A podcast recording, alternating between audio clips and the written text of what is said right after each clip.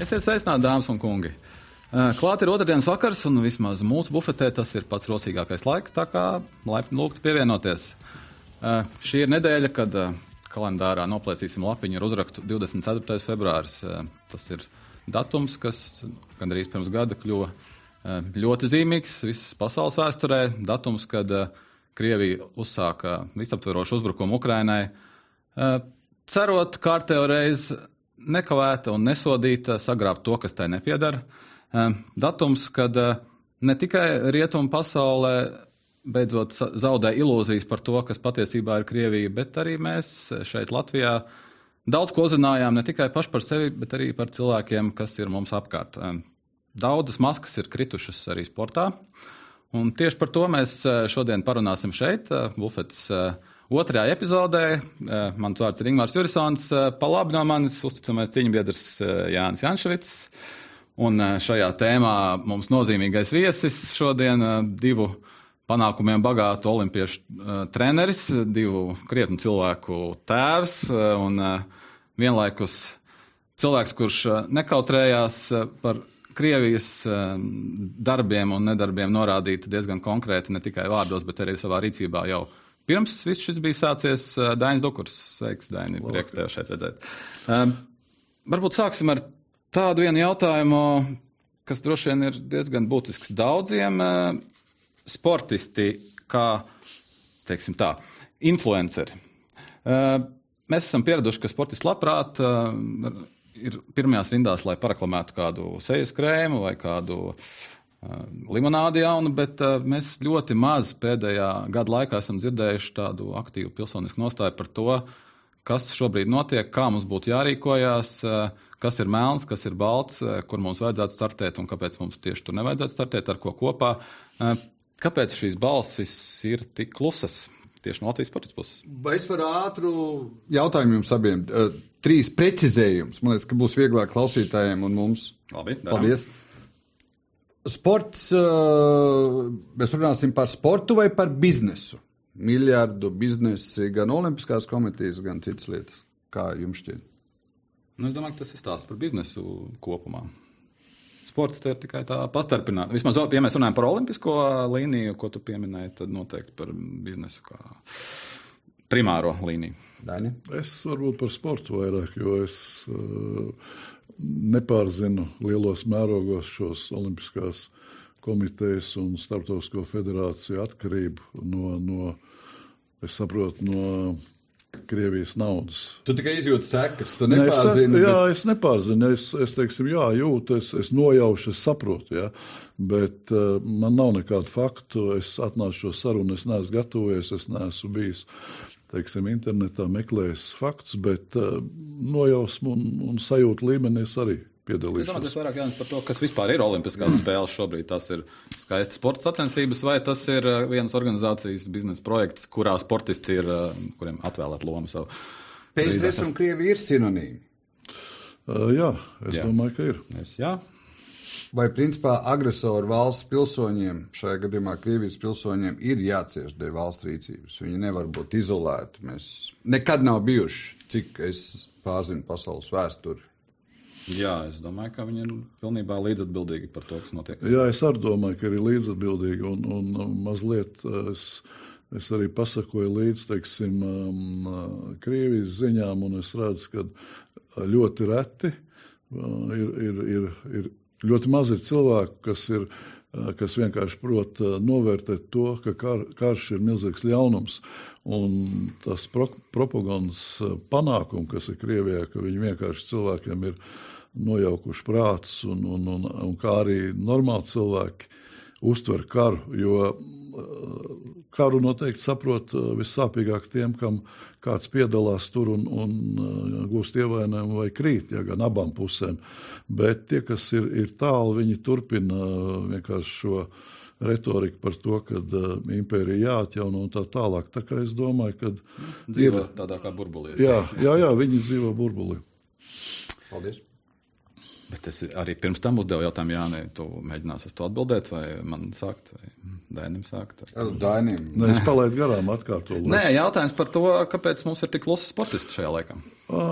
Sportisti bija, nebija klusi tad, kad tas viss, viss sākās. Tad, tad, un, un ļoti zīmīgi, kad to tēmu vēl nesākoties karam pacēla uh, Ukraiņu skeletonists Ladislavs uh, Hreskevičs izvelkot no tērpa, parādot šo nē, karam Ukrainā. Es varbūt precīzi necitēju, bet man liekas, tur bija trīs vārdi. Nu, es domāju, tur arī Stīvs Kājas dabūja olimpiskā kust, kustību, tur jāpavērsās mazliet viņa virzienā. Un tad, kad tas sākās 24. februārī, tad, protams, tas, tas, tas Tas uh, bija um, arī sportistu aprindās, tika runāts, pārunāts, un, un, bet tagad gads ir pagājis, un, un tās sajūtas ir tāls, tādas, ka vienā laikā tas ir tālu no mums. Mēs nedzirdam šāviens, mēs nedzirdam, nedzirdam um, šo darbību, bet uh, tas ir patiesībā tuvu starp mums un Ukraiņu divas valsts, uh, Lietuva un Baltkrievija. Ja? Uh, Tāpat ir. ir. Mēs, mēs katrā ziņā, mēs savā uh, vidē, skeletonu vidē, mēs šo tēmu pārunājam, jo mums ir tieši kontakts ar Ukraiņu komandu. Uh, viņi ir uh, gan Latvijā bijuši trenēties, gan mēs sazvanamies. Un, un nav gluži tā, varbūt ne, neizējām publiskajā telpā šeit pateikt, bet uh, nav tas, tā tēma nav nolikta malā. Jā, bet es domāju, ka tieši tā iziešana publiskajā telpā un tas skaļais vārds ir tas, tas kas, ko mēs gaidām no, no, no sabiedrībā. Kā, nu, būtiski novērtētiem, populāriem, cienītiem cilvēkiem, kādi lielā nu, mērā ir arī mūsu vadošie sportisti, bet mēs nedzirdam. Tas, ir, tas varbūt ir tas uh, gadu, gadu, gadu desmitiem uh, turpinātā mantra par to, ka nejauksim sportu ar politiku. Nu, tas ir, manuprāt, jebkuram loģiski domāšam cilvēkam skaidrs, ka tas ir uh, absurds un nu, mūsdienu pasaulē tas neatbilst patiesībai, nu, sports ir politika un tur pat nav ko īsti diskutēt. Man nav sajūta, ka pa klusu. Man nav tāda sajūta. Mm. Man sajūta bija, ka tad, kad uh, vajadzēja, es dzirdēju tos sportistu vārdus, bet uh, še, uh, nu, tevis pieminētie, man liekas, ka nekļūdīšos visa dukuru ģimene, un es nerunāju par Latvijas individuāliem sportistiem. Es, sacensības, kopā nespēlēšana un tā tālāk. Un tā, prom. es gribēju teikt, ka, protams, ka es skaļāk atzīšos, es pievērsu uzmanību tie, kas tomēr ir saistīti ar naudām un tā tālāk. Man, Nē, nu, bija, protams. Bet jā. pirms par konkrētiem es gribētu teikt, eh, jūs varat pateikt, vai, ir, vai tas ir domas turpinājums. Kopumā par klusumu man, tā skaitā šajās dienās, Es gribētu teikt, ka tad, kad es aizdomājos, mani šokē runāšana. Mani šokē uh, situācija, ka NATO un Eiropas Savienības valstī 18 gadus varēja stāvēt okupācijas piemineklis. Un tā nojaukšanai vajadzēja nošaut, izvarot tik daudz ukrāņu kara vīrusu, kas man mazāk uztrauc, bet sievietes un bērnus. Mēs klusējām, mēs ne, nesaucam lietas īstajos vārdos. Mēs vienkārši nesaucam, nav runa par, mēs par ļoti daudzām nu, lietām nerunājam. Nu, tieši par to es arī runāju. Tā Un tās... tad, kad mēs sākam runāt, tad mūs iebaida. Tad mūs iebaida. Vai vismaz mēģina baidīt, bet lietas mēs nesaucam. Un man, nav, man, man, man nebija tā, man tiešām nav sajūta, es tev neatbildēšu precīzi par tiem Jā. uzvārdiem, bet man nav sajūta, ka sportisti par maz runā. Man nopietni nebija tāda sajūta. Mm. Bet ka visā kā minimums mūsu valstī, lai neteiktu rietumu pasaulē, mēs nesaucam vienkārši lietas īstajos vārdos. Tā ir skaitā karus, tā ir skaitā izvarošanas, tā ir skaitā nogalināšanas. Jo man sajūta ir, ka karu arī iespējams sajūta. Es neesmu vēsturnieks un kur nu kara vēsturnieks. Jā, jā. Karu var karot citādāk. Jā. Bez tā, ko dara Krievija šobrīd Ukrainā. Nu, tas ir, man liekas, jebkuram karam ir arī diezgan zinām priekšraksti, kas ir kara noziegums un kas ir normāla kara darbība, un kara noziegums saraksts šobrīd ir ohohoho. Tas, principā, ir tā ir Krievijas armijas ikdiena kara nozieguma.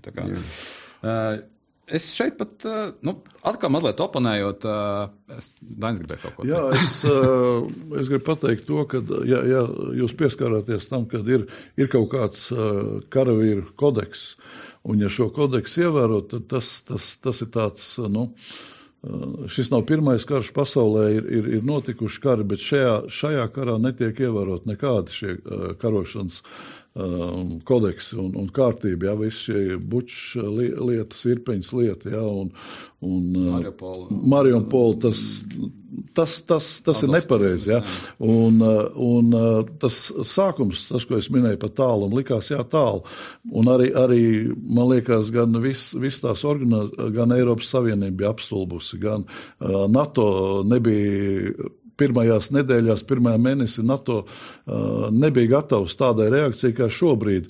Un tieši šīs, šīs lietas, kas, kas notika, šī, šī, šī slepkavības izvarošana, šī zakšana, šī laupīšana, ja, kad pasauli tu ieraudzīji, tad pasauli arī sāk vairāk koncentrēt, koncentrēt savu uzmanību uz, uz šiem notikumiem. Ja. Un, un uh, tas, ko Jānis minēja, šīs lietas, tās sāsināja uh, šo fokusu tieši uz to, kāds šis karš cik viņš ir uh, skarbs, nežēlīgs un nepareizs. Ja? Un tad, tad tā sabiedrība sāka konsultēties, un, un, un uh, visa pasaule sāka vērsties pret uh, šo agresoru.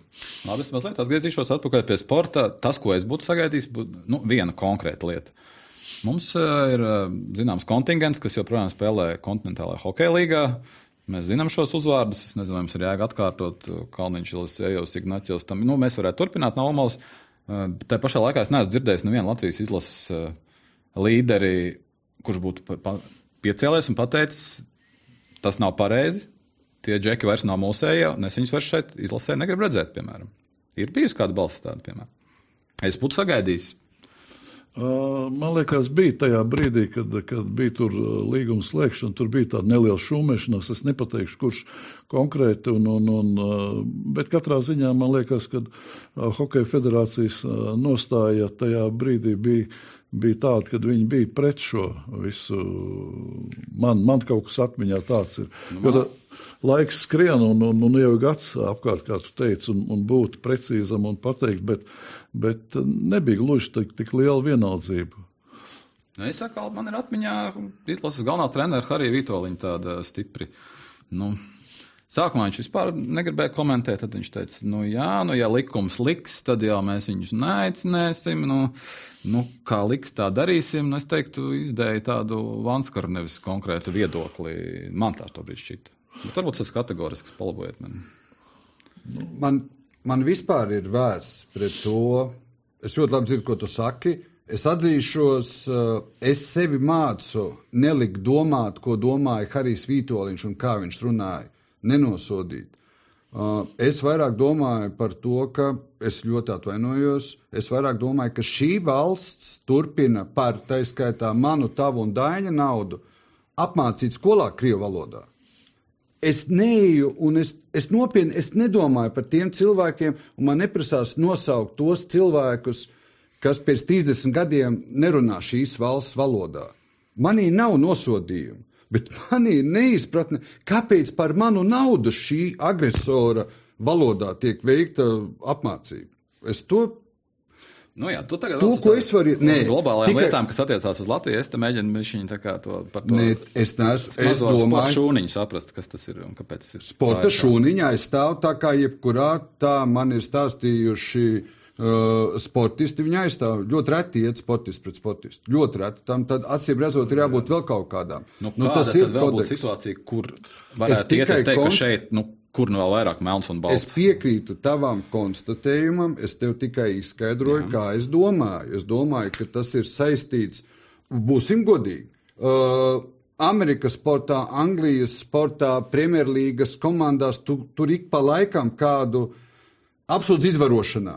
Nu, nekomentē ārkārtīgi smagi noziegumi. Amerikas sportā ar diezgan regulāri notiesā par slepkavībām uh, aktīvus sportistus. Es neesmu dzirdējis, ka komentē. Nu, tur, tur ir pilnīgi skaidrs, ka nepareizāk nevar būt. Nu, šis ir nu, tāds, nekomentē. Viss nav tik viennozīmīgi gadījums, man liekas, ko mums nedrīkstam tolerēt. Un, uh, Nu, šeit tā svīta bija jānāk, bet tas ir mans personiskais viedoklis. Bija, es piekrītu, bija balsis mums, pie mums pašiem, mums bija intervija, nu, protams, ar ko citu Artūrs ir. Izteicās diezgan konkrēti, bija Rauls eh, Freibergs, kurš izteicās diezgan konkrēti. Braucām, iefilmējām eh, PSRS laiku mūsu labāko, zināmāko sportistu viedokļus, lai varētu viņus nodot Krievijas. Tobrīd bija Krievijas sabiedrībai jau bija ilūzija par to, ka Jā. tur kāds izdzirdēs, uzzinās un sapratīs. Jā. Mums bija Pāvils Ļavānos, mums bija Helmuts Balders, mums bija Igors Miglēns, kas gāja un tā kā nu, mēģināja uzrunāt šos cilvēkus. Bet nu, tagad, pēc gada, mēs saprotam, cik tas varbūt bija naivi tajā brīdī. Uh, vēl bija sportisti, par kuriem mēs nezinām, bija Jeļena Rublievska uzņēma Ukraiņu ģimeni. Droši vien varbūt vēl kāds sportists bija Ruslans Nakaņečnīs, kurš pats ir Ukraiņas Mariupolē dzimis, kurš pēc Krimas aneksijas bija spiests eh, bēgt no Ukrainas, tālāk ir pārstāvējis Latviju, kurš eh, beidza karjeru, veda humanitāro palīdzību uz robežu, pats vāca, pats veda klusiņām, nevienam nezinot. Mums bija šie labi uzvārdi. Tā kā nevar teikt, ka nebija, bet eh, jā, balss, manuprāt, kopumā bija paklusa. Jā, varbūt neizgājām publiskajā telpā, bet tās sarunas gan komandā, gan, gan sportistu vidē, viņas notika katru dienu, un, un tā tēma nebija kaut kur aizmirsta un nolikt malā. Tu pieminēji, ka uh, kāds ir savu dzīvokli izvīries. Es zinu, ka Tomas arī Tomas dzīvoklī dzīvoja Ukraiņu ģimene. Ja? Un, uh, es esmu uh, ziedojis Ukraiņas karavīriem. Uh, Un, un, un, bet mēs to, laikam, tā ir mūsu mentalitāte. Mēs neejam ar, ar ielās un, un skaļi to nesakām, bet sirdī mēs to, tam visam dzīvojam līdzi. Un, un mēs arī, mums ir savs čats komandā, un mēs arī tādu informāciju, kas ir jaunāka, kas ir saņemta, kāds saņēmis no Ukraiņu komandas, mēs čatā dalāmies, pārunājam. Bet tā ir laikam mūsu mentalitāte. Vēlreiz teikšu, ka mēs to paturam sevi un, un neejam. neejam ar nu, šo. Tā varbūt ir kļūda šajā situācijā. Ne? Varbūt. Nē, es gribēju pirms, es atvainojos, Jā. es jau biju ievilcis elpu, ļaujot, lai Dainis pabeidz. Man neprasās. Mūsu. Es, es neredzu, kā pateikts atbalsts Ukrainai un kā kara nosodījums palīdz nogalināt vienu bērnu mazāk. Es, es nesaredzu.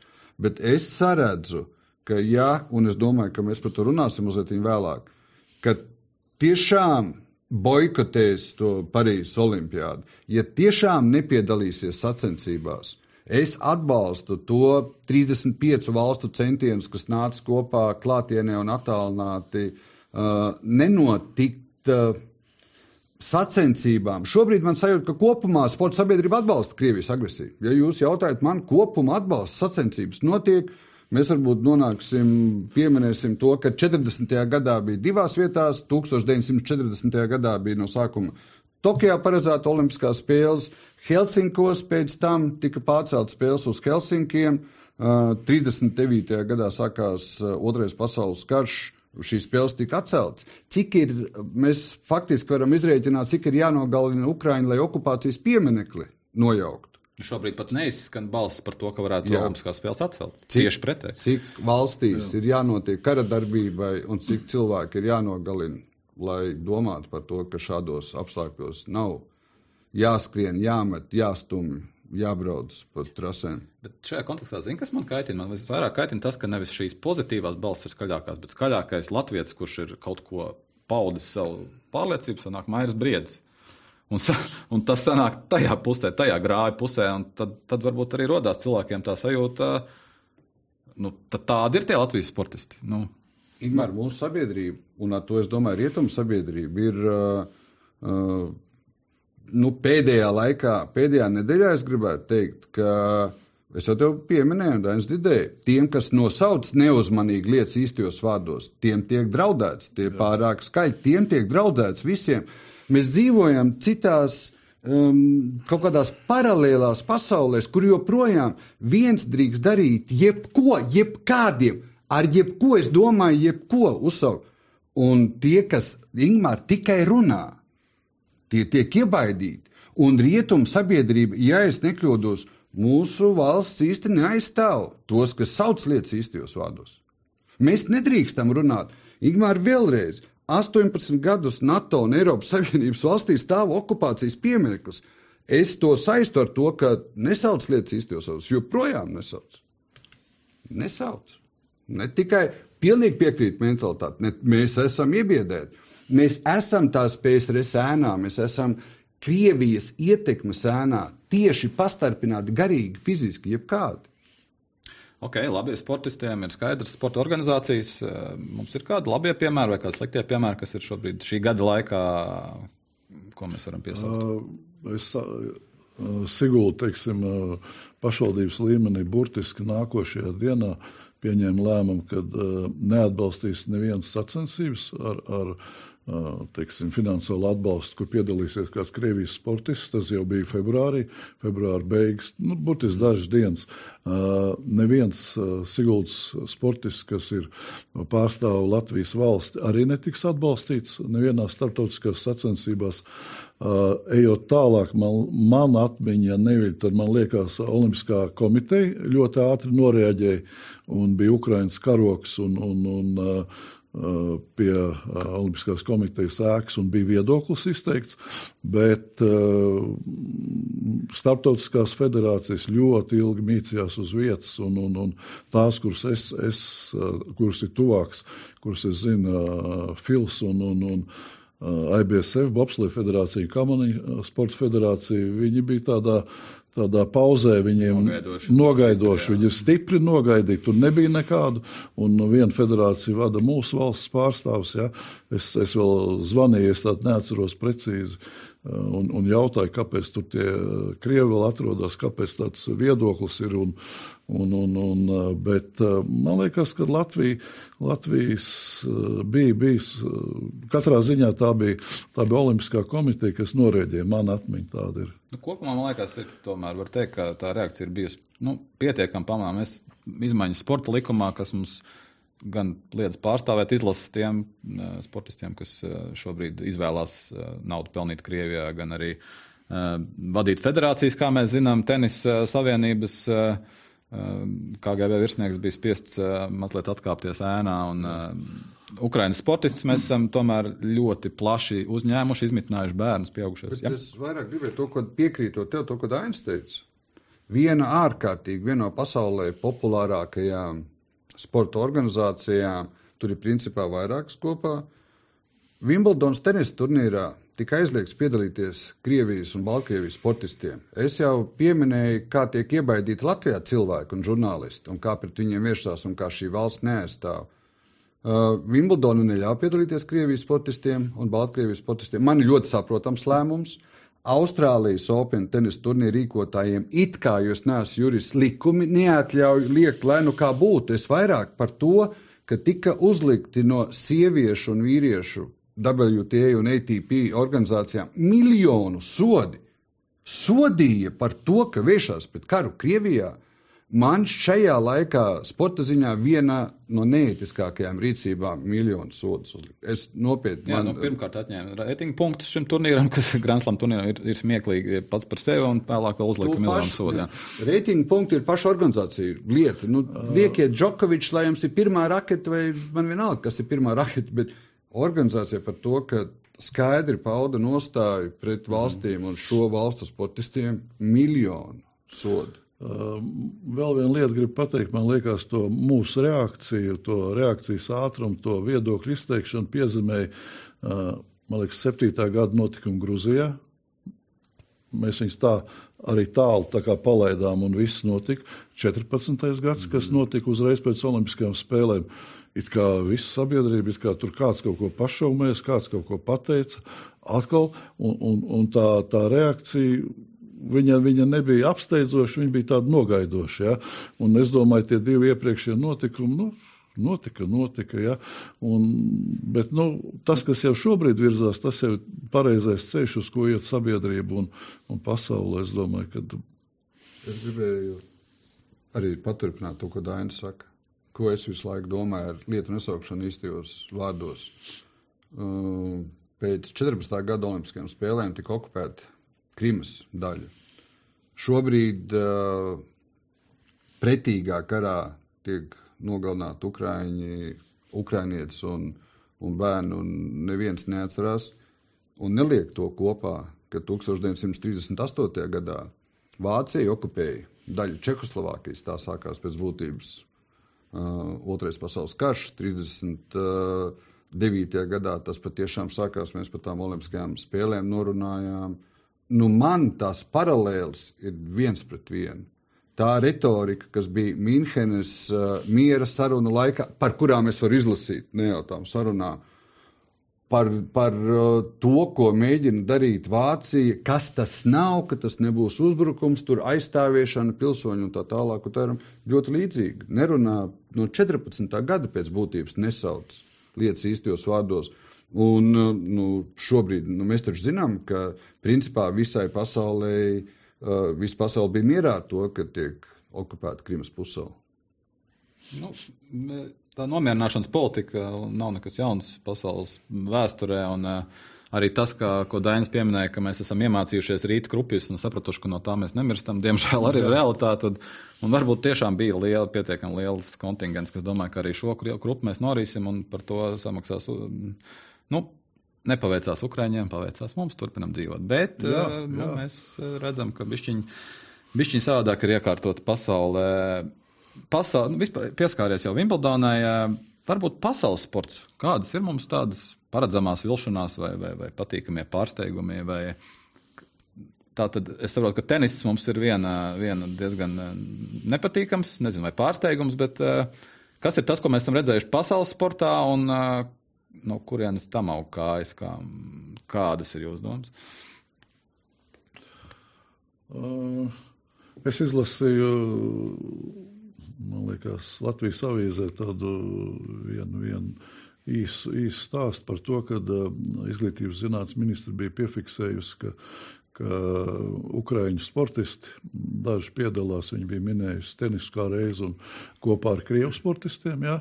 Un, uh, viņi izteica domu, ka uh, mums nevajadzētu tik strikt uztvert. Mēs arī varētu iet tādu mīkstinātu ceļu. Ja, ja tur Ukrāņas piedalās, es tā sapratu no, no tā raksta un tā, no ministrs teiktā, ka varētu mēs arī tad, ja, ja Ukrāņas piedalās, tad mēs arī.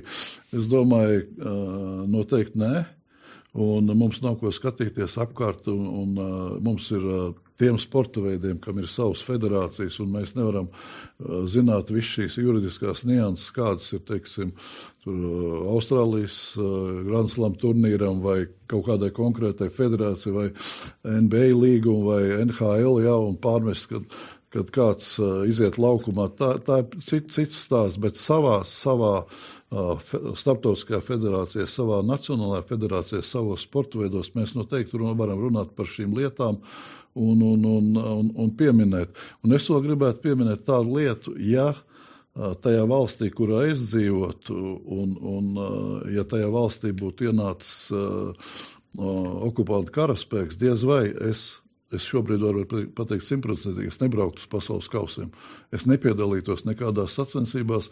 Mana loma pirmajā, pirmajā teiksim, ierakuma līnijā nebūtu nekāda, bet pienest teiksim, lādiņus tur artilēristiem es noteikti nestu, cik vien es spēju. Ja? Un tāpēc man, ir, man arī dažreiz izbrīna, tas, kad es redzu, redzu nu, šos ukraiņu sportistus piedaloties sacensībās. Tā ir otra lieta, kas, kas, kas man brīžiem rada tādu nesapratni. Es esmu, es esmu ziedojis, es esmu uzvilcis Ukraiņas karogu, bet pasaules kausa un sacensību apbraukšana varbūt nav īstais laiks. Es pieņemu, ka ir noteikti kontingents, kam par to vajadzētu runāt. Tā pašā laikā mēs zinām to pašu Aleksandru Usiku, bokseru, kurš bija frontē, kurš uh, stājās ar ieroci un vēlāk uh, saprotot, un viņš saņēma to signālu, nevis pats pat pieņēma lēmumu, ka varbūt tiešām tā viņa uzvara ringā ir tas, kas emocionāli iedos vairāk nekā tās viņa divas rokas un kājas tajā tranšajā. Līdz ar to kaut kur es to spēju saprast, ka tu ar to savu sportisko iedvesmu vari iedot varbūt tam, kar, tam karavīriem vairāk eh, nekā, nekā esot viņiem līdzās. Bet uh, es piekritīšu, ka droši vien ka tas noteikti ir par ļoti reti kuru Nē, kas, kas, par, spēj, par līmeni un, un, un, kas spēj iedvesmot. Jā, jā, kas spēj iedvesmot. Ne jau katrs spēj iedvesmot. Jā, šis, šis cilvēks spēj iedvesmot, un arī tā viņa rīcība, kur viņš ir bijis un, un ko darījis, arī, arī tā paša vlada rīcība, ja, kurš iz, izvilk šo, šo uzsaukumu, un arī viņš ir ar, ar tēvu, ar komandu, viņi braukuši uz veduši, teiksim, snieguši palīdzību, jā, bet, bet ir tādi, kas varbūt, nu, un vēl vairāk man tracina tas, kad es, es redzu šeit tos lielos, lielos džips ar ukraiņu numuriem, jā, tās mazās mašīnītes, tur pat žigulīši, ja cilvēki, kas ir bēg, bēgļu gaitās devušies, bet tas, tas man arī tracina. Ja? Nu, viņiem šeit nevajadzētu būt. Viņiem bija jābūt mājās un, un varbūt ne, ne pirmajās līnijās, bet, bet uh, varbūt jāatjauno, jājauc jāva betons, jā, jā, jāpienes ķieģeļi un kaut kas jāatjauno. Tāpēc man tāds uh, divējādas sajūtas ir brīžā. Jā, bet mēs droši vien nezinām katru konkrētā gadījuma apstākļus, jo no, Ukraiņi nebēg no, no, no nabadzības, viņi bēg no kara un kādu, kuram tajā brīdī ģimenē mašīna, droši vien ar to, ar to arī viņi dodas. Bet es varētu atbildēt uz to jautājumu. Jā, es ļoti labprāt uzklausīšu. Nevar novilkt vienu strīpu vienai organizācijai, piemēram, UEFA un FIFA futbola organizācijas. Jā, jā, pirmajā jā. mirklī rīkojās, saprotam, Krievijas un Baltkrievijas komandas nepiedalījās. Bet tik cik es esmu atradzis, 2024. gada Eiropas čempionāta kvalifikācijā Baltkrievija varēs piedalīties. Jā, Līdz ar to tur nav melno, balto lietu visām vai Wimbledonām, OFA un tā tālāk. To grūti, grūti ir novilkt. Tāpēc man jau sākumā bija par to, ka Nu, kamēr tur ir pēdējais karavīrs, un es būtu par to, ka vēl ilgāk neviens nepiedalās, un ne sportists, ne komanda nepiedalās. Tāda ir mana sajūta. Mm -hmm. Jo man par ukrāņu sportistiem ir līdzīgi kā Dainim. Uh, man arī es, es, es, tāpēc man atkal bija bizness vai sports. Nu, viņi pelna naudu. Es arī saprotu, tā kā tu teici, ka tur varbūt katrs gadījums ir individuāls. Bet šeit nebūtu jārunā par to, ka Baltkrievija drīkst piedalīties 24. gada Eiropas čempionāta kvalifikācijā. Bet varbūt tur kājas aug tieši no FIFA.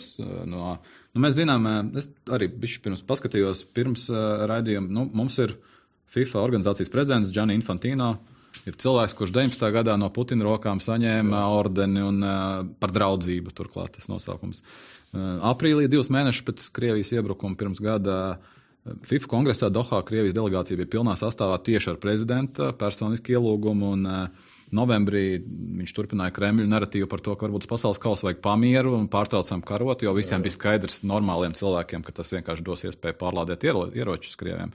Bet arī tāds bija viņa aicinājums. Uh, Un arī Katars emīrs izteica lielu pateicību tieši personīgi Putinam par to, ka ir šis šis pasaules kausa katrā ir izdevies tik veiksmīgi. Tātad nu, mēs, nu, saiknes ir pilnīgi skaidrs.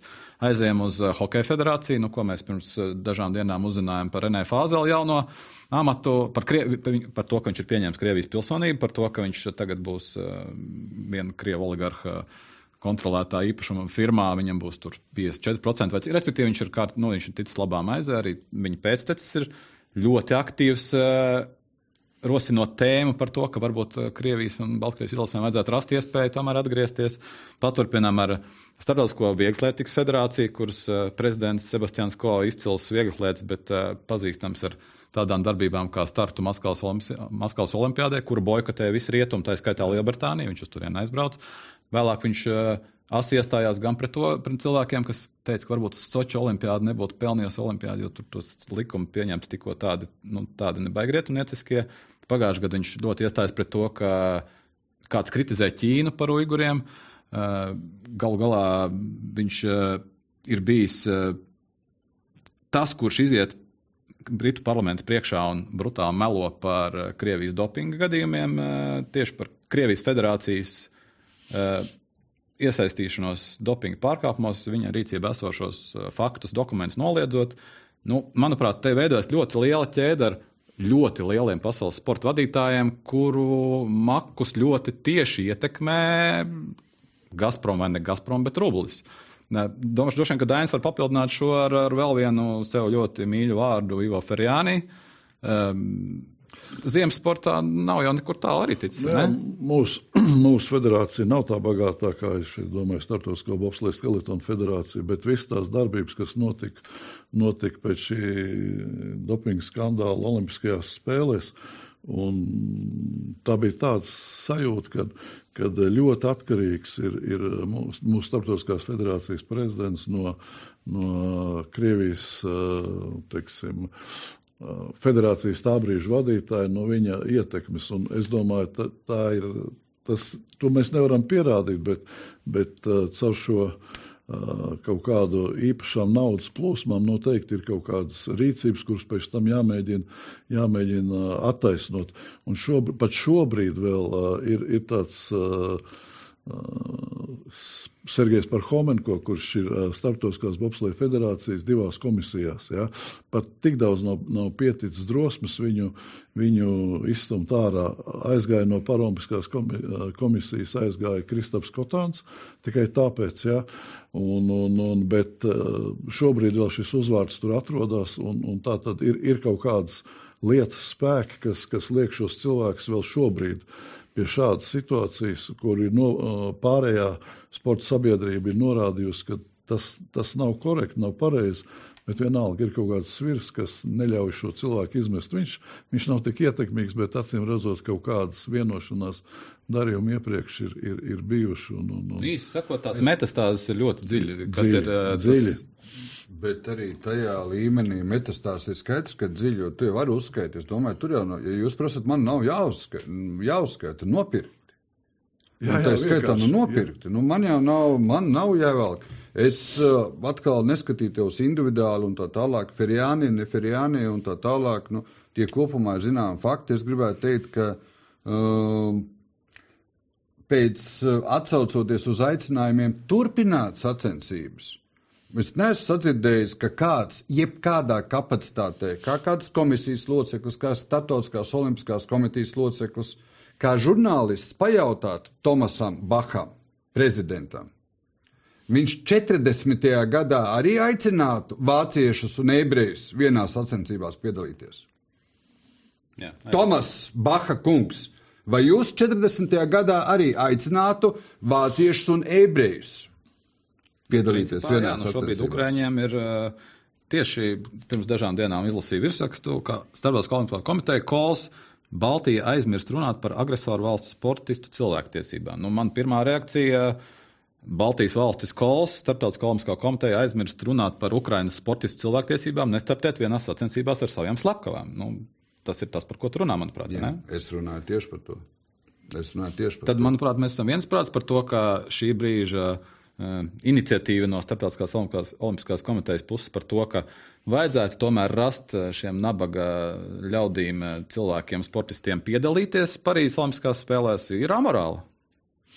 Jā, man patīk, kā Norvēģi bija mm, Bahu nosaukuši Krievijai noderīgs idiots. Ja?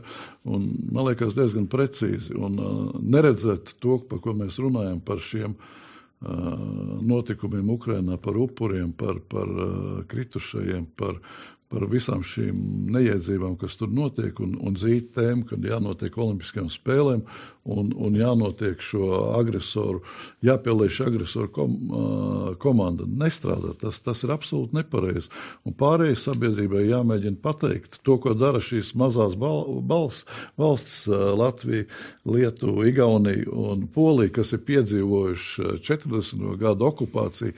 Uh, mūsu senčiem jau tas bija tik tuvu, un, un viņi ir mums to stāstījuši un pateikuši. Ja? Bet tie, kas dzīvo tur tālāk, tie, tie tā stipri vienaldzīgi uztver, jo viņi atrodas tālu no šī. Mēs esam tie, kas mazliet aktualizē šo tēmu un spēj kaut ko pateikt, bet, bet mums jāspēj pateikt un piesaistīt šai savai domai vēl, vēl arī tos, kas dzīvo ā, vēl kādu tūkstotis kilometrus tālāk. Ja? Un, un mums jābūt šiem virzītājiem, un tad varbūt sadzirdēs kad, un, un sapratīs, ka tas, kā mēs runājam, šīs spēles pat varētu tikt atceltas šādā situācijā. Daini, mēs, Ingmārs pieminēja Krievijas sportistu cilvēktiesības. Mēs šajā valstī, Latvijā, mēs daži labi ne tā domājam un lietojam vārdu krievs un krievi. Mēs ik pa laikam vispārinām gan krievu nosaukumu, gan krievu apzīmēšanu, gan krievijas sportistu cilvēktiesības. Krievijā, Vācijā dzimusī cariene Katrīna II aicināja apgūt leknās Aramzemes, un kopš tiem laikiem Volgas upes krastos 40. gadā dzīvoja apmēram 1,5 miljoni vāciešu. Un tad, kad sākās karš, Tur neviens neprasīja kāda saistība. Viņi visi tika aizdīti uz koncentrācijas nometnēm, par ko Krievija otrajā pasaules karā joprojām nav atbildējusi. Un tur tika nogalināti, tur gāja bojā pusmiljons. Tur neprasīja, kādas viņiem ir tiesības, kādas ir saistības. Tur neprasīja, kāpēc man bija svarīgi PSRS un Krievija, ka vismaz mēs trīs uzskatām par sinonīmu. Tur vienkārši nogalināja tikai tāpēc, Tāpēc, ka Vācija. Tāpēc, ka, un tā bija Krievija, bija viņu dzimtenē 4., 5., 6. paudzē. Un es, protams, ka nerunāju par daudz cietušo Krimu un Kriemi, Krimas tatāriem, par tām visām tautām. Tur pēkšņi neprasa. Viņi neprasa, viņi šauj un varo. Un mums ir Mēs neskatāmies uz uzskatām, ka mums ir jāprasa Jā. Un jābūt ļoti korektiem un četreiz Un jā. jādomā par viņu cilvēku tiesībām. Jā. Tam, kurš katrā mirklī uzvilks sev to zēburtu, fotografēsies, priecāsies nākamajā mirklī un tā tālāk. Ši, šis ir tāds moments, kad varbūt um, nu, nedrīkst to. Uh, mainās pasaules kārtība mazliet. Apvienoto nāciju organizācija un viss tas, kas tur notiek, kā agresors sēž drošības padomē, uh, tas nedrīkst, nedrīkst būt. Un, un šāds solis, ka Olimpiskās spēlēs kāds paver vaļā, tas atkal būs solis atpakaļ. Ja? Tas mazinās to spriedzi, kura pašlaik ir diezgan sakāpināta, un uh, pasaules sabiedrība, kas ir vienojusies vienā, vienā, vienā spēkā pret šo agresoru, uh, viņu vajadzētu turpināt un, un nevienu brīdi neatkāpties nevienu soli atpakaļ. Bet šī Baha rīcība un Olimpiskās spēles ar Krievu piedalīšanos būtu tāds solis atpakaļ un, un tāda, tāda uzmanības novēršana. Mums te notiek spēles, mēs te sacenšamies, blakus celiņos skrien vai peld vai uh, agresors un, un, un upurs, jā, kuram varbūt kāds ģimenes loceklis krits. Šis ir tas punkts, kad uh, visiem jābūt vienotiem šiem uh, gaišiem spēkiem, jāpasaka, nē, nekādas olimpiskās spēles, beigsies karš. Un Ukrāņi būs pateiks tie, kas, tad, kad Mariupolē varēs atgriezties, Ukrāņi būs pateiks, pateiks tie, mēs esam saņēmuši kontribūcijas, mēs esam uh, savu zemi sakopuši, atjaunojuši, uh, ir, ir uh, mīnu lauku novākti. Viņi būs tie, ne mēs, ne, ne Bahi vai tam līdzīgie, bet tieši Ukrāņi. Es klausos šos uzvārdus un domāju, nabaga Vācijas klasiskā mūzika. Bachs mums Johans izrādās noderīgs idiots uh, ar Vāgneru vārdu, Ne, ne, Bachs. Jā, un ar, ar Vāgneru vārdu uz lūpām skrien uh, no šobrīd cietumnieki un nogalina Ukraiņus. Tā, kā, bet, uh, tā man piebildīs varbūt šajā lietā vēl būt par to, ka kāpēc mēs vispār runājam par šo sportistu atgriešanos, ja viņi bija izslēgti jau pirms šī kara, un viņi, tik, viņi bija izslēgti par sistēmisku krāpšanos valsts mērogā ar dopingu, par ko mēs skaidri zinām, ka šī gada laikā šī situācija nav uzlabojusies, viņa tikai pasliktinājusies. Tas nozīmē, nu, no, notiesāts zaglis, kurš nosacīts atbrīvošanas laikā ir nogalinājis cilvēku. To mēs tagad aicinām rehabilitēt, Jā. ja, par, to, par, par pirmo noziegumu, par otro. Nu, tas, eh, manuprāt, tas ir absurds. Nezinu, kurā, Amorāli. kurā pakāpē. Nu, amorāli. Man, ko vārds, ko Dainis lieto, Jā, tas nu, ir amorāli un pretīgi. Un viena lieta, ko arī uh, Ukraiņas ārlietu ministrs uh, pieminēja, no, es neesmu pārbaudījis gan ciparus, ska, skaitus, bet ka no 71 medaļas, ko neitrālie sportisti izcīnīja Tokijas Olimpiskās spēlēs, 45 gatavojās armijas sporta klubā. Tā kā tas, man liekas, ir pļāviens ceļā un, un tieši zem šī vārda, kur tu tikko lietoji. Jo, uh, nu, Es nezinu, kam ir jābūt, lai, lai Ukraiņas kaut ko tādu spētu pieņemt. Bet Krievijas sportisti tiešām ir upuri. Tāds ir mans varbūt jautājums. Šajā Vai gadījumā. slepkava var būt upuris?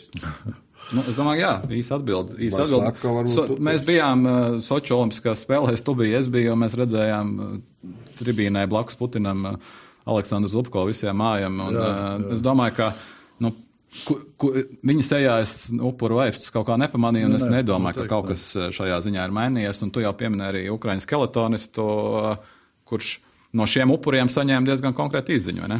Jā, viņš arī jā, tur um, tas, ko tu minēji par to, ka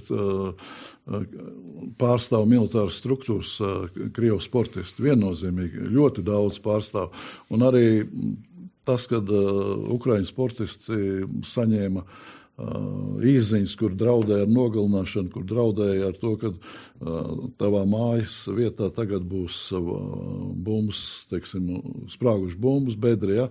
Tas liecina, ka viņi dzīvo savā pasaulē un ar, ar, arī viņu ielaišana teiksim, šajā sporta pasaulē šobrīd viņi nav to pelnījuši. Vienkārši viņi pārstāv agresoru valsti un, un viņi ir. Viņiem jāatrodas tur, kur viņi atrodas šobrīd, un gaida to brīdi, kad iedos viņiem mājiņu. Tagad jūs varat uh, ierasties un, un būt kopā ar pārējo pasauli.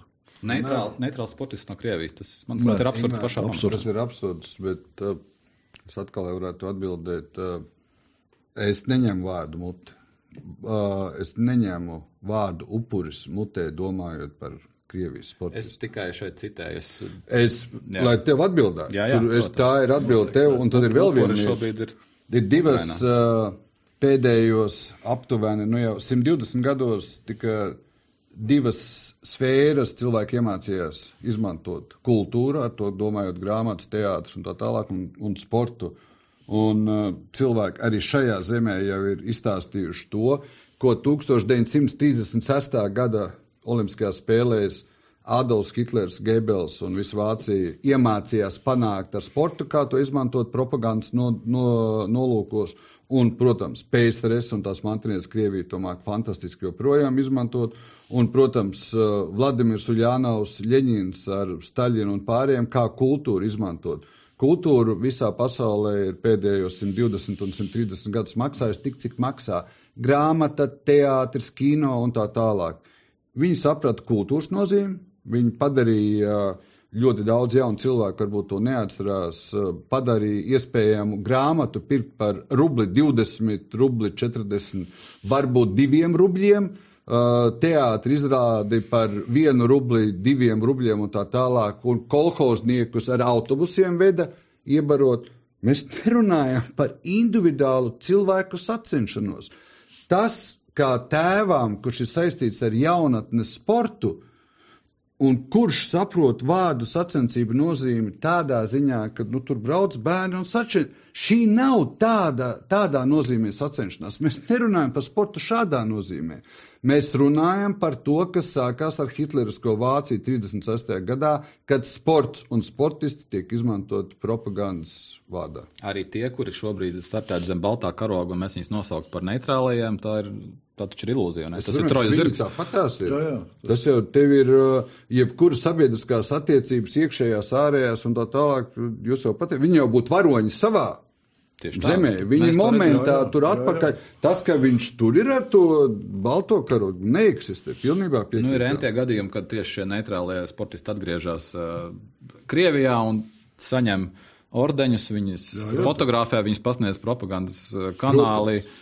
Un tad viņi vairs nav neitrāli. Mēs nē, nē, te, te varam varam skaitīt šos medaļus. Jā, bet uh, upuri jau ir, viņi, viņi ir uh, savā valstī, tā viņus pasniedz. Jā, to, to upuru līmeni salīdzināt ar to, ka tev nepielieš pie sacensībām vai tevi uh, padara par kroplu vai nogalina. nogalina noslauka vesels pilsētas. Jā, pilsētas no noslauka. Tas ir nesalīdzināms lietas, jā, un, un tā ir spekulēšana no viņa puses ar vārdu upurs. Upurs ir tas, kas Ukrainā uh, uh, izdzīvo šo karu savā zemē. Mm. Bet tagad mums ir vēl par kopumā par sankcijām. Es, nu, es neesmu politikas un kur nu vēl ekonomikas žurnālists. Bet vai tās būtu jebkādas sankcijas? Es nezinu, pret Kubu. Nu, sankcijas pret Kubu, ekonomiskais embargo. Bet tur taču ar cieši nevainīgi cilvēki. Nu, tur bija kaut kādas, nu, nezinu, cigāru plantācijas. Jebkurā situācijā. Nu, cieši kāds man, man arī šis liekas amorāli. Protams, pie jebkurām sankcijām vēršās pret valstīm, agresoru valstīm, vienalga, nu, droši vien uzskaitīt, pret ko tikai nevēršās. Skaidrs, ka tur cieš, a kā a tagad pēkšņi tur kaut vai tie paši, nezinu, vai nabaga vai nenabaga kubieši, tie varēja ciest, kuram bija darbs vākt uh, tabakas lapas. Un tagad, reku, šie nabadzīņi, tie, Tur it kā ir sankcijas pret Jā. Krieviju, bet uzvilks, nu, ļaujam tiem kubiešiem, es nezinu, vai tās sankcijas ir pret Kubu. Lai viņš paņem baltu cepurīti un vāc tās tabakas lapas, un lai amerikāņi pērk cigārus. Ja nekļūdos, vēl joprojām nevar pirkt Kubas cigārus. Tas ir tas, tas ir tas viens no jautājumiem, pirmiem, kurus tu uzdevi. Vai Krievijas politiķis ir atbildīgs par to, kā, Jā, kā rīkojās viņa valsts? Tieši mēs dzīvojam tādā pasaules kārtībā, kur attiecībā uz politiku un ekonomiku, jā, tās valsts iedzīvotāji ir atbildīgi. Jūs domājat, ko jūs ievēlat un kam jūs ļaujat atrasties pie varas? tad mēs varam vienoties par to, ka balto karogu pie, Krievi, pie Krievijas pārstājiem mēs gribam redzēt tikai kaujas laukā vai virs Kremļa, nevis Kievā pasniegt. Smuku Tieši tā, salocīt. tā ir vienīgā vieta, kur mēs esam mieru redzēt Atdot balto karogu, jā. un tad, kā Dainis teica, pārējās darbības ar kontribūcijām un pilsētu atjaunošanu, un tad, lai šī saruna turpinās. Tieši tā, jo idejiski jau nekas nav mainījies. Kā PSRS laikos tas bija viens no retajiem, retajiem instrumentiem, ar ko piesakt tā, tā, tā vīģis lapa, ar ko piesakt, ka tu patiesībā esi kails. Tu neko neražo, tev nekā nav. Tavu dižā kultūra īstenībā nav, neko dižāk par itāļu, grieķu vai franču kultūru. Vienkārši tu pasniedz viņu kā lielāku. Ingūna, Tu ne- dižāk. Es tik daudz vēsturi pārzinu. Es zinu, kas ir Krievijas sari, no kādas ļoti- Rūriku dzimtas cēlās, kā Krievu kņazi nespēja atrast sev valdnieku, kāpēc aicināja vikingu pēctečus. Es aptuveni zinu par pirmajām grāmatām, es esmu tik daudz mācījies. Tā, es ļoti, es Un- ļoti centos uh, piezemēt Tu to pārāk- viņu, viņu pārāk versiju. piezemē, pārāk ne, viņi neko piezemē. neražo, viņi dzīvo, es atvainojos, dubļos un nabadzībā. Un sports, kur tu vari parādīt, lūk, mēs esam visstiprākie un mums ir zelts, ir vienīgais, ko tu vari iebarot tautai. Un tieši tāpēc es domāju, šobrīd tiek bīdīts eh, tas, lai viņi varētu piedalīties šajās spēlēs un mazliet glābt šī režīma kaut kādu vispār. Jo patiesībā tā, tas pasākums jau nebija paredzēts, ka viņš vilksies veselu gadu. Viņš bija ī- īs, Protams, trīs dienās trīs, piecās dienās, un viss kārtībā. Un tas ir ievilcies, un, un tagad kaut kas ir jāieba, jāiebaro tai, tai tautas daļai, kas sēž pie televizora un kas visu ņem pretīm. Ja? Un šis ir viens no tiem, kad re, mēs esam Olimpiskās spēlēs. Un, protams, Krievijā ir, ir laba līmeņa sportisti, kas arī zem balta karoga var sasniegt labu rezultātu. Ja? Un atkal tas būtu tāds jauns emociju vilnis parādīt, kad redz, visa pasaule ir pret mums, bet mēs varam. Ja? Viennozīmīgi nekāda balta karoga. Un, un, Tas būtu kārtējs opijas tautai, kā teikt Ostaps Benders. ja? Eh, Kā šajā situācijā rīkoties eh, mums? Kā rīkoties Latvijai, kā rīkoties Latvijas sportistiem? Eh, Olimpiskā komiteja it kā ir diezgan konkrēti paziņojusi, ka mēs, eh, nē, mēs nebrauksim, ja tur būs Krieva un Baltkrieva. Tā pašā laikā mēs redzam no, starptautiskās olimpiskās komitejas tādu pretestību, draudus par to, ka tas ir olimpiskās kārtas pārkāpums, par to, ka nekāda boikota nebūs citādi. citādi. Mēs nezinām, kas, bet citādi. Um, kā mums vajadzētu rīkoties?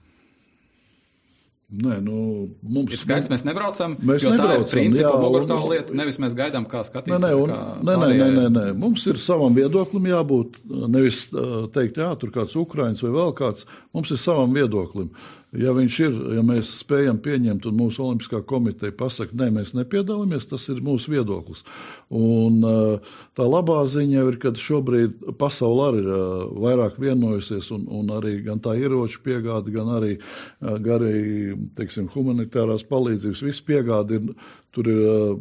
Ja tās valsts saskaita, es nezinu, 50 noteikti ir, kas ir pret vienu agresoru. Ja? Un tad mums ir jācer, ka arī, arī tie lielie, kas paskatīsies uz mazajām Baltijas valstīm, es domāju, ka Ba- Baltijas valstīm būs vienota nostāja. Tāda pati būs no- nostāja, pieļauju, būs uh, Lielbritānijai, tāda pati nostāja būs Polijai. Nezinu par uh, Ungāriju, nezinu par, par Vāciju, bet uh, Mums jābūt savam viedoklim. Ja arī mēs šajā situācijā neaizbrauksim uz Olimpiju, tad mēs tomēr uh, šai pasaules jaunai kārtībai pateiksim, ka mums ir viedoklis. Neskatoties to, ka mēs esam mazi un, un, un ne ar lielāku armiju, ne ar lielāku ekonomiku, bet viedoklim ir jābūt. Bet es domāju, ne jau tikai viedoklim piekrītot katram daiņu vārdam. Manas līdzības ir tādas, ka šī tāda pati situācija. Man tā ir identiska situācija, kad es redzu, ka trīs sit vienu un tūdaļ nositīs. Vai kāds izteikti stiprāks, sit izteikti vājāk un gatavs nogalināt.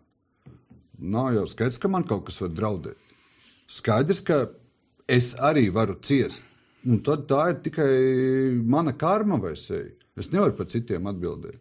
Bet es uzskatu, ja karš Ukrainā turpinās, un Latvijas sportisti piedalās vienās olimpiskajās spēlēs, jo tur ir bērni, ko Ernsts Gulbis, Latvijas Tenisa Savienības uh, prezidents, aizskāra. Es nerunāju par katrām bērnu sacensībām, kur atbrauc nu, kaut kādi no Krievijas pilsoņu, un, nu, vai tagad viņš drīkst vai nedrīkst, bet par lielajiem fórumiem, ja Latvijas manas valsts sportisti piedalītos kopā ar Krievijas sportistiem, karam turpinoties, es justos ļoti slikti. Labi, pajautāšu Dainim. Šeit ir runa par kompromisiem. Mēs sakām, ka kompromiss nevar būt. Mēs atceramies, Mārtiņš brauc kopā ar uh, Krievijas izlases trenēties Sočos pirms pēdējām Olimpiskajām spēlēm. Uh, tas arī ir zināms kompromiss, varbūt pretēji tam, kas, uh, par ko mēs šeit runājam, par, kā, par, kā, par kādiem principiem mēs runājam. Uh, Ir kaut kādas uh, vietas, kur mēs izējām uz kompromisiem, ir kaut kādas vietas, kur mēs neizējām uz kompromisiem. Varbūt tā bija kļūda, vai uh, šodien viņš brauktu? Noteikti nē. Noteikti nē. Tā bija cita situācija. Un, un, un, un, uh, es, ne, es, es teiksim, neaizbraucu savu viedokļu dēļ, jo man viņš nemainīsies. Ja? Un, un es, uh, kopš Soču notikumiem, nemaz nerunājot par to, kas notiek Ukrajinā, man ir Krievija slēgta. Ja, neskatoties, ka man tur ir labi draugi un, un, un pie Baikala dzīvo treneris, bet kas attiecas uz Martinu, tā bija viņa izvēle. Tas bija pirms šī kara sākuma, un, un sportisks mērķis jau ir nu, gatavoties uh, Uh, Olimpiskajām spēlēm, un tur tika saskatīta līdzība trasēs, jo mūs nelaid iekšā Ķīnā, un, un, un, uh, un tāpēc aizbraucu. Bet es neaizbraucu tikai tāpēc, ka mans viedoklis izteica jau pēc 14. gada Olimpiskajām spēlēm, Krievija man slēgta. Tātad kopš 24. februāra mēs varam teikt, ka situācija ir mainījusies. Ja pirms tam tā bija nu, kaut kādā mērā iespējama kaut kādiem kompromisiem, tad šobrīd ir. Nē, nav kompromisu. Tā jau Bet es atvainojos, nu, ko nozīmē? Nu, kā tā ir līnija? Bet, protams, ir kardināli cita situācija. Nu, jūs abi ļoti skaisti to esat aprakstījuši, bez tā, ka jūs esat to izjutuši. Viens ir krāpties, viens ir dopings, un tad kā mēs to reaģējam. Nu, galu galā ir pasaulē krimināla kodeksa panti iedzīvotājiem un teorētiski arī valstī, ieskaitot ANO un drošības padomus. Un, tajos atrodošas eh, karojošas valsts, bet, protams, ka ir mainījušies. Nu, karo un nogalina, nu, kā vēl? Kā vēl? Jā, nu, es domāju, ka ir jāgaida un eh, jāskatās, kāds būs eh, lēmums no Olimpiskās komitejas puses, no Latvijas Olimpiskās komitejas puses. Es nedomāju, ka tas šobrīd ir jau tik strikts un pieņemts, un ka mums vēl gaida diezgan lieli diezgan lieli pārdzīvojumi, piedzīvojumi šajā sakarā, bet vienlaikus man ir sajūta, ka Olimpiskās spēles, kā lielākais pasaules sporta fórums, šajā visā situācijā strauji zaudē savu nozīmi. Mm, Piekri, man pirms dažām dienām arī Vilnis Baltiņš piezvanīja, un, kurš šobrīd kā, mazliet atpūšās. Un, Un pat viņš, kurš vienmēr ir bijis šīs kustības līdz kaulam, teica, ka viņam ir bail, ka šī ir tā situācija, ka Olimpiskās spēles kā tādas šobrīd grimst tikai tāpēc, ka jau atkal viena tā pieminētā jautājuma dēļ, ka tas ir tīri komerciāls notikums un ar sportu tam vairs nav nekāda sakara. Jā, no nu, laikam, kā ir atkal, mēs esam. Mēs atkal esam norunājuši apmēram stundu, un, kā zināms, bufetē jālaiž, jālaiž pasēdēt arī citi. Nevar aizņemt galdiņu visu laiku. Uh, es domāju, ka pie šīs tēmas mēs noteikti vēl atgriezīsimies, tuvojoties Olimpiskajām spēlēm, bet eh, šodien es teikšu paldies Dainim, kā atbraucā. Jā, mēs ar tevi tiekamies katru nedēļu, bet es vienalga tev pateikšu paldies. Lūdzu. Eh, un paldies arī jums visiem, kas klausījās un skatījās. Tiksimies jau pēc nedēļas, kā ierasts. Tagad jau var teikt, kā ierasts otrdienās.